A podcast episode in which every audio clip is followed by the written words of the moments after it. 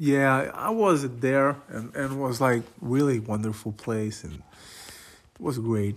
I, I, I would like to explain you right now.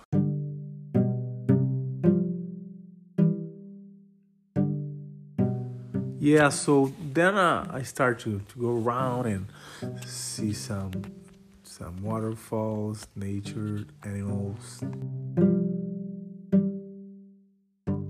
know, like I was at the Iceland. Was really amazing place.